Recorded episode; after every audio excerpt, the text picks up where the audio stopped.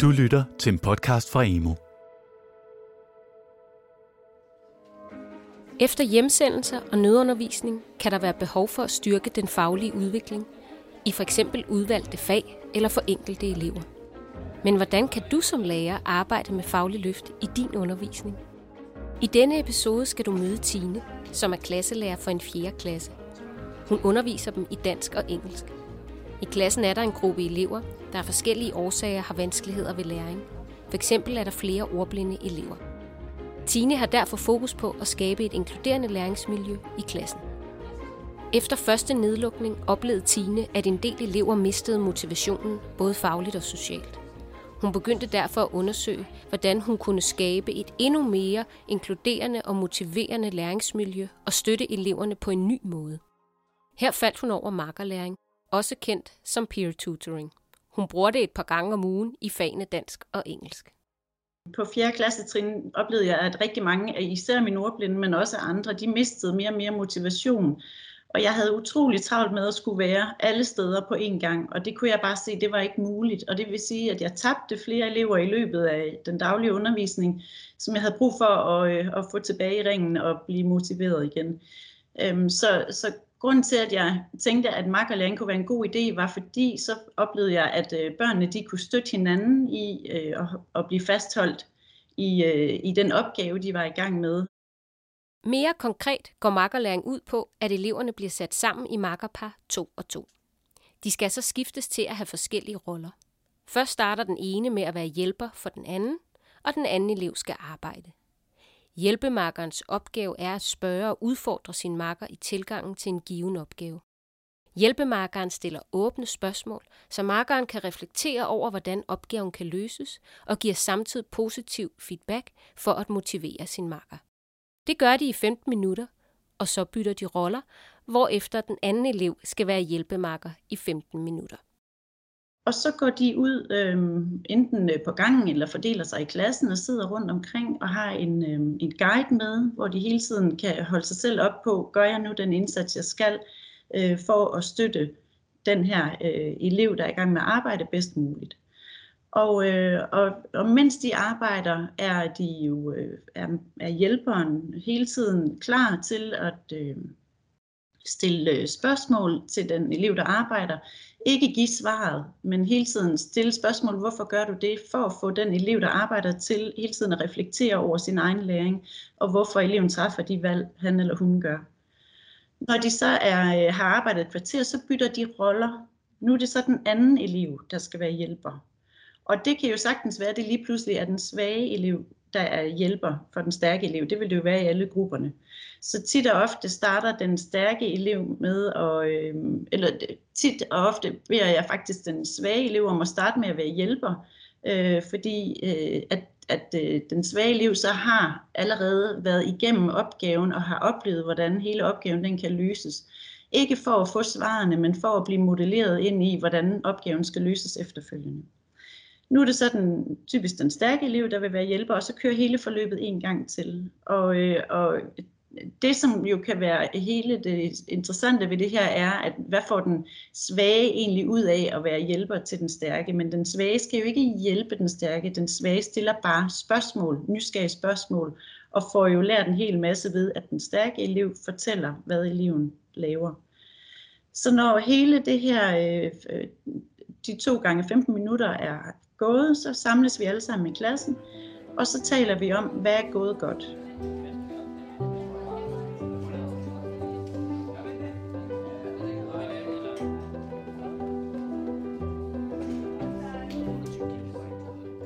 Jeg benytter den samme guide, men jeg justerer den ofte. Fordi der sker hele tiden noget. Vi udvikler hele tiden på projektet. Så, øh, så i starten havde jeg skrevet alt for mange vejledninger ned til dem. Alle de ting, de kunne gøre, og det var alt for forvirrende for dem. Så jeg forsøger hele tiden at forenkle den, øhm, samtidig med, at den, den giver mening i det arbejde, de står i. Men det er de samme spørgsmål, uanset om det er dansk eller engelsk, vi arbejder med. Det kræver en del af eleverne at være makker. Inden de går i gang, taler Tine med eleverne om, hvad en god makker er. Når det forbi samles eleverne i klassen og evaluerer sammen med Tine. Det er vigtigt for, at eleverne kan fungere som makkere. Det jeg gjorde var, at jeg øh, snakkede med klassen om, hvad, hvad hele det her projekt gik ud på. Og så havde jeg lavet sådan et kort, øh, som alle eleverne, eller alle grupperne fik med ud, eller får med ud hver eneste gang, de arbejder sammen. Så har de sådan et makkerlæringskort med ud, hvor der står lidt en opskrift på, hvordan man arbejder som makker. Og her startede de med at skulle øh, forholde sig til opgaven sammen, hvor at, at øh, hjælperen spørger sin makker, øh, hvad skal vi, hvordan arbejder vi med den her opgave, og hvordan vil du gerne gå i gang? Så, øh, så eleven, der skal hjælpes hele tiden, bliver, bliver udfordret på, øh, hvordan øh, tilgangen til opgaven skal være. Og undervejs, så skal makkeren hele tiden øh, spørge, altså hjælperen skal hele tiden spørge ind til, hvorfor gør du det her, hvad har du tænkt dig, hvilke overvejelser har du, og, øh, og øh, bruge øh, øh HVO og åbne spørgsmål. Og hvis, hvis øh, eleven går i stå, så skal hjælpemakkeren hele tiden være klar til at støtte op og komme med øh, gode forslag, hvis det er nødvendigt, men i hvert fald stille åbne spørgsmål, som får eleven til at, at, at, øh, at gøre sig nogle refleksioner om, hvordan man kan komme videre. Og, øh, og samtidig har hjælpeeleven også fået en opgave at give positiv feedback undervejs for hele tiden at, at øh, støtte og, og øh, give øh, eleven en lyst til at fortsætte og en tro på sig selv. Så, øh, så det her med at skulle tænke højt, at den elev, som arbejder, skal tænke højt, det har krævet utrolig meget arbejde og gør det fortsat, fordi det er faktisk rigtig svært for elever at fortælle, hvad det er, de laver.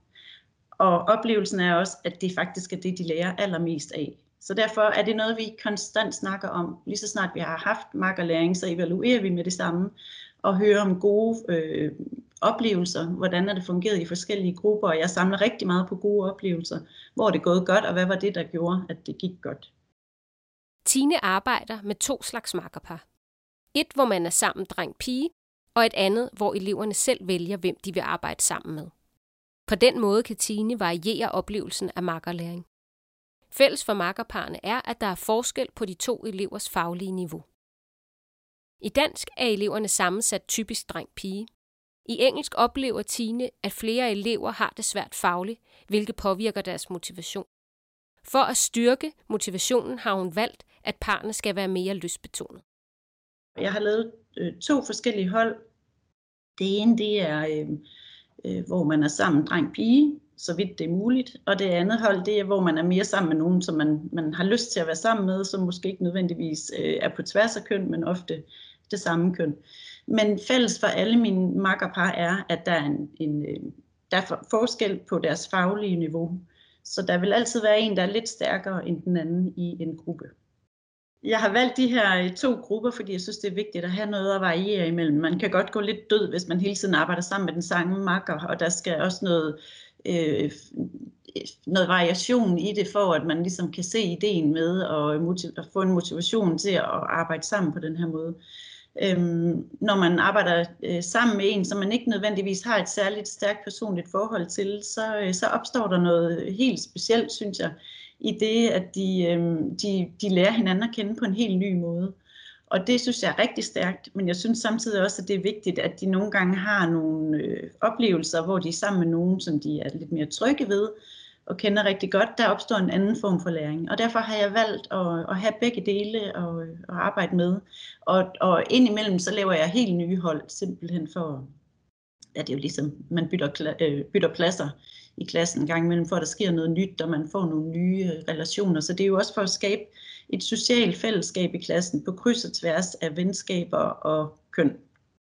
Vi arbejder jo ikke med makkerpar hver dag. Vi arbejder med det et par gange om ugen måske, så de her øh, hold kan jo strække sig ret længe, fordi jeg synes også, det er vigtigt at give makkerparerne tid til at øh, få en, en arbejdsform sammen.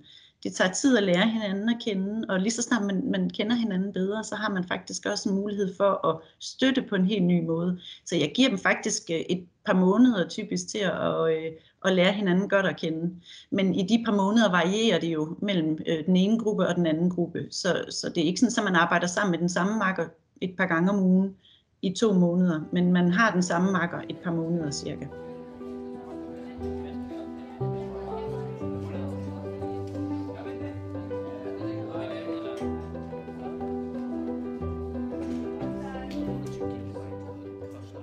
Det, det handler om for mig lige nu i min klasse, er, at jeg har brug for at få min, øh, især min, mor, øh, undskyld, min ordblinde elever motiveret i engelskundervisning, for de falder rigtig meget af her på fjerde årgang, hvor der er... Øh, øh, hvor det bliver sværere, der kommer mere skriftsprog ind.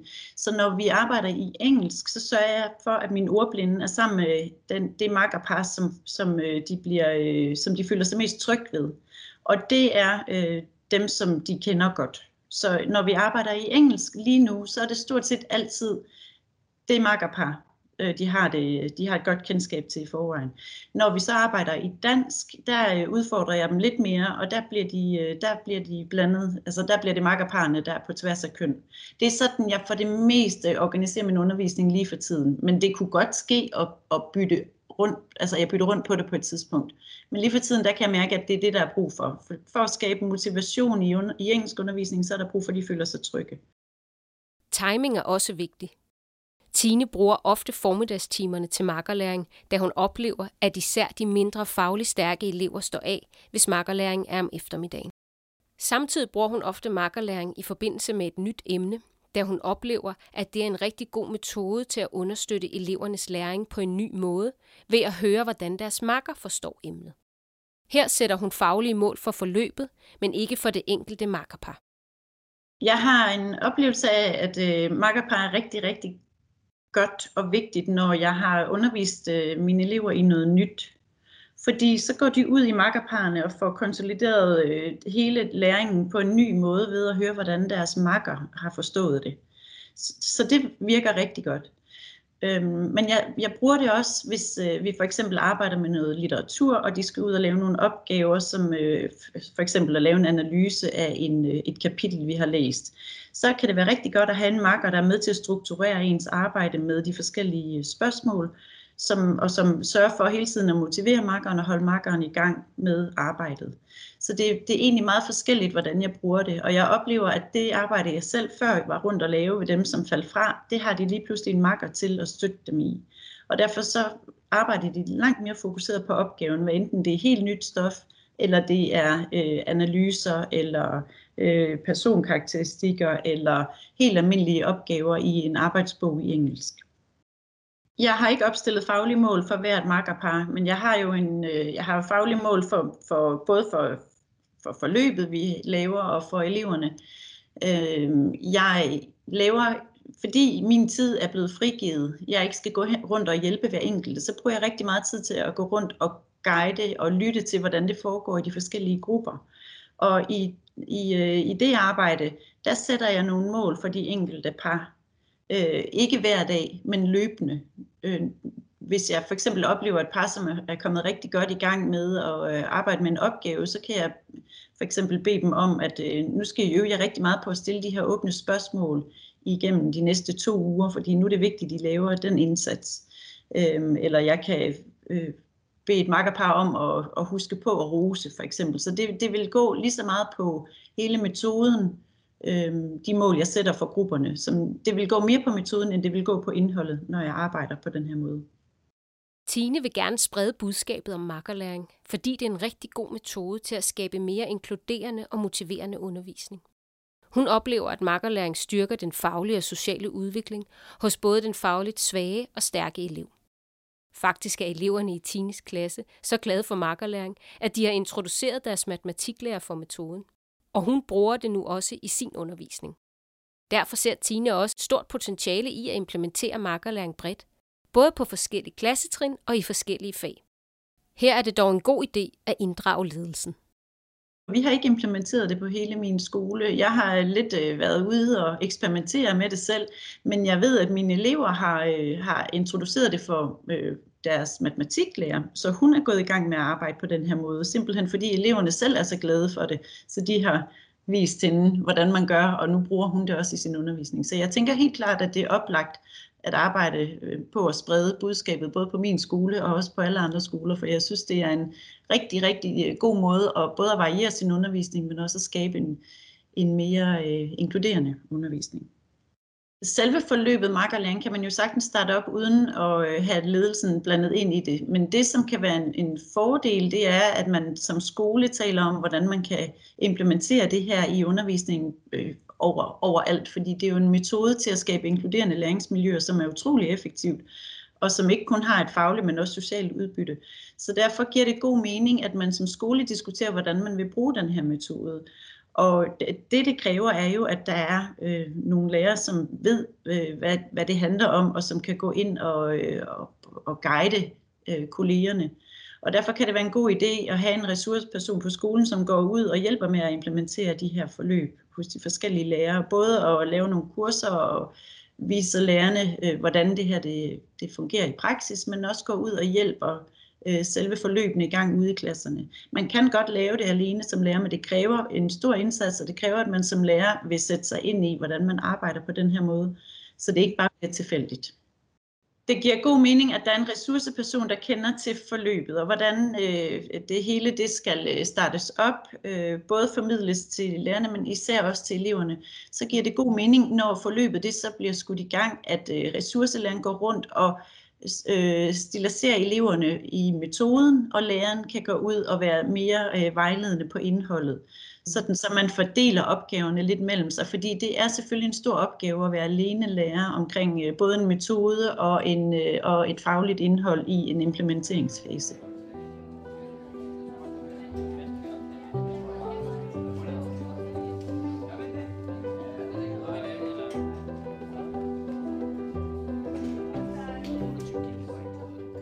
Markerlæring kan også være oplagt at bruge i online-undervisningen. Her er det dog en fordel, at eleverne er sat godt ind i metoden på forhånd.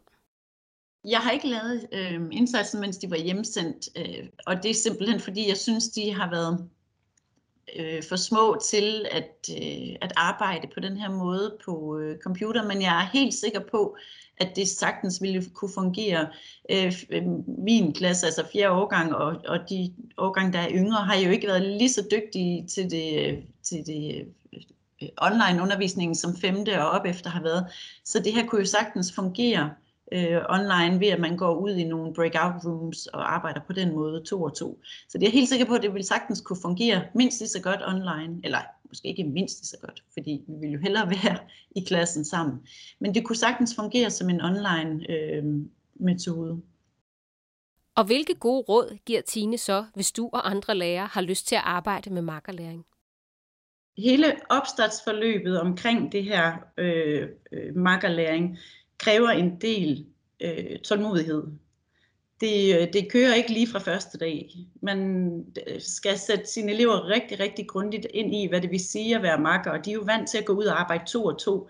Men det er jo en helt anden indsats, det her det øh, drejer sig om. Her har man en, øh, en elev, som skal arbejde, og en makker, som skal være hjælper, og, øh, og som ikke må give svarene. Og derfor så øh, er det, skal eleverne omstille sig på at være og arbejde helt anderledes sammen. Og det kræver rigtig meget øh, indkøring, og det kræver rigtig meget evaluering sammen med eleverne. Og også selvfølgelig, øh, at lærerens egen indsats skal evalueres hele tiden. Øh, så jeg vil sige, at det er vigtigt at give det noget tid og øh, tålmodighed, så, øh, så får man udbyttet med tiden. Og så synes jeg, det er vigtigt at være fleksibel og se på sine elever enkeltvis øh, og, og, og vurdere, hvad de egentlig kan håndtere den dag. Fordi selvfølgelig skal vi stille krav til eleverne, men der er også øh, tidspunkter, hvor vi er nødt til at tage særlige hensyn. Og det kan både være til den elev, som falder fra og som synes, det er for svært, men jo også makkeren, som bliver skuffet og ked af ikke at kunne øh, få det her arbejde til at fungere.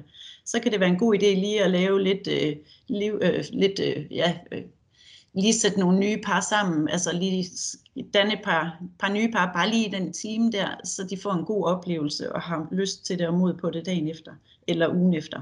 Og når, når man så starter op igen, så er det vigtigt lige at have særligt øje på, at de to, øh, eller det, det makkerpar, når de øh, finder sammen igen, at de måske lige skal have lidt hjælp til opstartsfasen. Tines råd er kort fortalt. Sæt dine elever grundigt ind i, hvad det vil sige at være makker, og vær tålmodig, da det tager tid. Vær opmærksom på, hvornår på dagen dine elever kan arbejde med makkerlæring, og husk at evaluere makkerlæring sammen med dine elever. Tak fordi du lyttede med, og tusind tak til Tine for at medvirke. Hvis du vil vide mere om faglig løft i en coronatid, kan du finde en samlet inspirationspakke på emo.dk.